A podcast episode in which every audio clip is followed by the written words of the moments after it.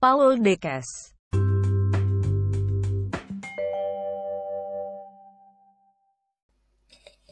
Teori problematika globalisasi menurut Norena Hertz. Oke, ini adalah teori yang disampaikan oleh Norena ini mengatakan kekuasaan pemerintah akan tergerus dengan kepentingan bisnis perusahaan multinasional.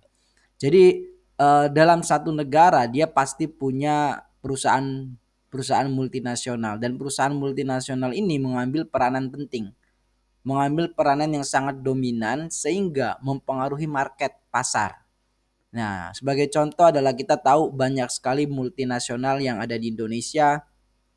Ada Unilever, kemudian ada McD, kemudian ada handphone yang berasal dari e, negara Korea, kemudian kendaraan-kendaraan juga yang berasal dari Jepang. Nah, itu adalah perusahaan multinasional. Ketika perusahaan tersebut mendominasi, maka akan mempengaruhi e, negara atau kepentingan pemerintah. Nah, jadi dalam hal ini pemerintah justru eh, apa ya kita saya sebutnya nurut ya, nurut dengan kepentingan bisnis. Nah, di sini juga sama di Amerika Serikat juga banyak perusahaan-perusahaan multinasional yang sangat menguasai negaranya. Artinya dalam hal ini negara dengan perusahaan tersebut ikut ikut ambil dalam kekuasaan pemerintahan. Misalnya Facebook, Twitter dan yang lainnya itu sam itu sangat menguasai eh, apa namanya peran penting ya peran penting dalam negaranya itu sangat tinggi. Nah sehingga kalau ada tindakan apa pun maka kekuasaan pemerintah juga berpikir terhadap perusahaan-perusahaan tersebut. Dan lalu Indonesia apa? Nah Indonesia juga sama seperti contohnya adalah Indomie. Indomie itu dimiliki oleh Indonesia tersebar ke beberapa daerah bahkan ke luar negeri. Nah Indomie ini juga memberikan kekuasaan atau memberikan peran penting terhadap pemerintah ya.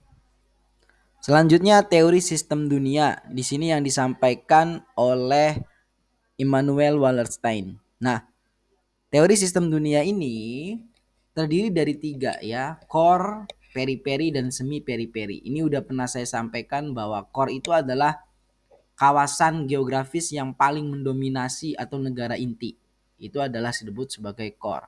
Kemudian periperi itu adalah negara kawasan yang menyedi menyediakan bahan mentah bagi pusat, bagi core-nya dan sangat dieksploitasi oleh pusat. Jadi periperi ini adalah kalau kita sebut sebagai bahan mentahnya atau ladangnya bagi core. Kemudian kawasan semi pinggiran adalah kawasan di mana yang meliputi sekumpulan kawasan suatu tempat yang mengeksploitasi dan juga dieksploitasi. Jadi artinya dalam hal ini adalah semi peri-peri ini itu sebagai distribusi dia diambil juga lahannya tapi juga bisa diberikan e, sebagai distribusi untuk menyebarkan produknya. Nah, sehingga ini teori ini sangat mempengaruhi. Jadi ada tiga tahap kemudian tahap mini itu adalah tahap yang bagian kecil yang masih hanya se e, sewilayah atau sekawasan lokal. Kemudian tahap kekaisaran dunia itu ada udah lebih lebih luas lagi dan tahap ekonomi dunia artinya dia udah menyebar hampir ke seluruh dunia. Artinya menyebar itu dalam artinya produk dia ada dan kekuasaan dia ada dan jalurnya ada menguasai ke seluruh dunia itu adalah teorinya Immanuel Wallerstein. Nah, ini juga kaitannya sama tentang teori globalisasi.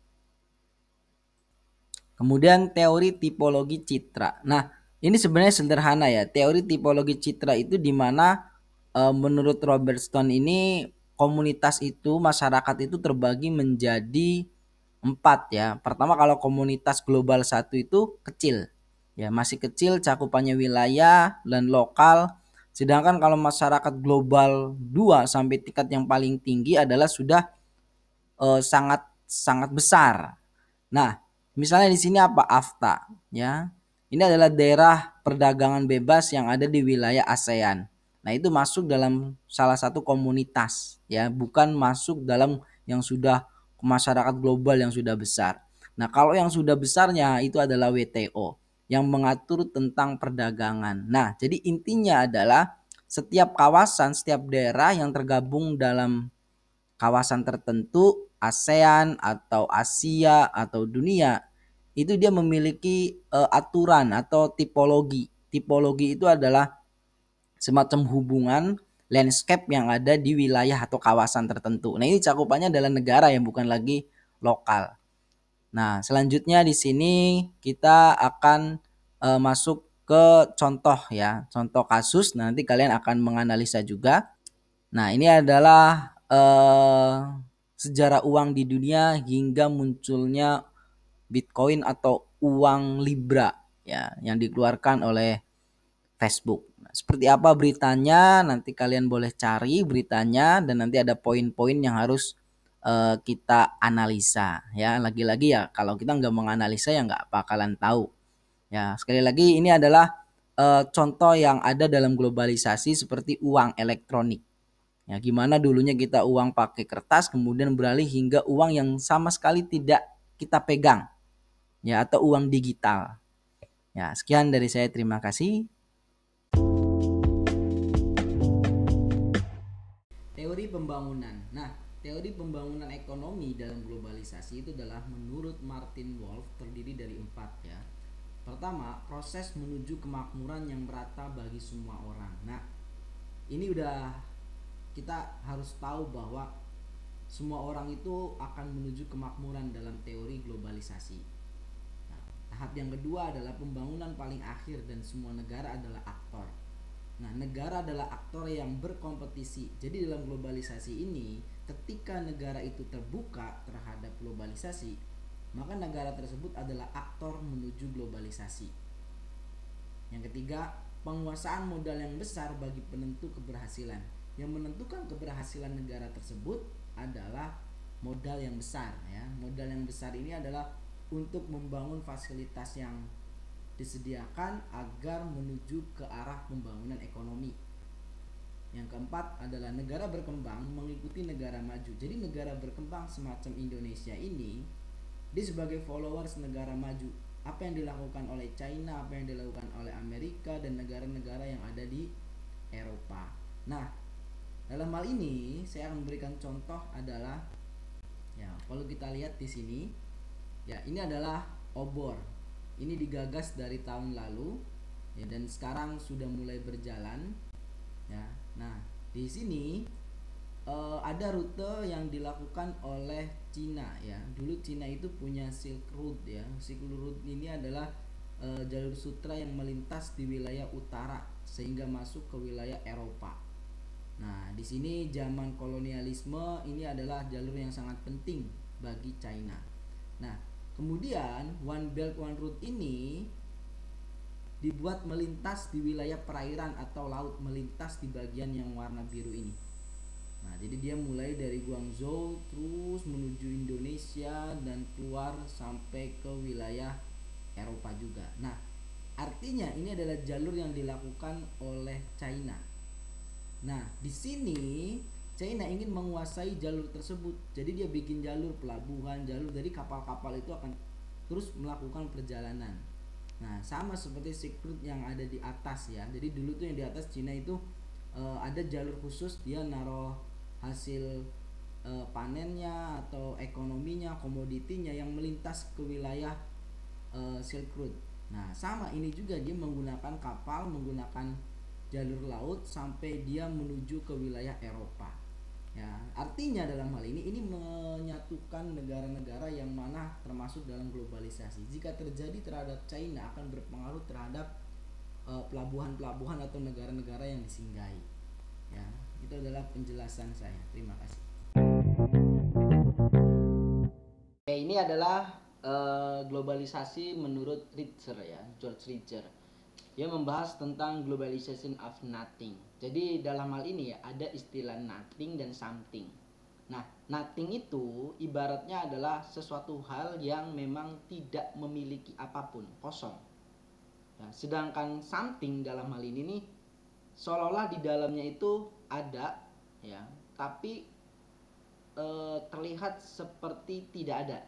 Ya, jadi kita bayangkan dan kita kontrol secara indigenis sebagian besar kayak akan isi. Jadi isinya itu kayak ada tapi kelihatannya nggak ada ya. Nah jadi dalam hal ini Sirizir mengatakan bahwa globalisasi itu yang dikirim itu tidak ada tidak lagi mengekspor dalam bentuk produk.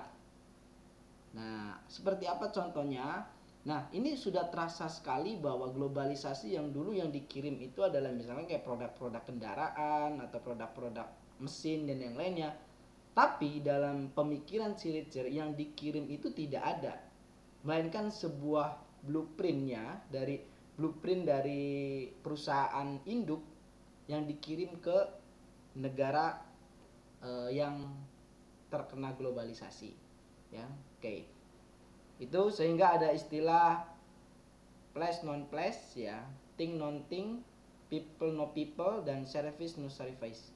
Nah artinya tempat tidak ada tempat barang tidak ada barang people tidak ada people maksudnya pelayanan tidak ada pelayanan. Semuanya dihandle oleh mesin di handle oleh teknologi oleh sistem. Nah contoh yang gampang adalah kita pernah membahas McD dalam teorinya adalah McDonaldisasi teori Richard Nah, teori McDonaldisasi di sini dia mengatakan bahwa yang dikirim bukan tempat, ya. Nah, tapi sistem yang dia kirim. Jadi ketika orang datang, dia e, cuma pesan makanan ya, pesan makanan, tapi dia tidak duduk dengan istilah drive thru. Nah, barangnya yang dikirim yang dikirim dari Amerika Serikat tidak ada, semuanya barangnya berasal dari sini. Orangnya juga nggak dikirim, semuanya berasal dari sini. Nah pelayanannya bahkan pelayanannya dia bisa melayani sendiri. Ada contohnya kita misalnya beli sesuatu kita ngelayanin sendiri tidak lagi melayani. Seperti kayak mesin apa tuh minuman ya yang kita masukin uang kemudian keluar e, botolnya. Nah itu kan nggak ada pelayannya ya. Nah artinya itu adalah sebuah globalisasi of nothing.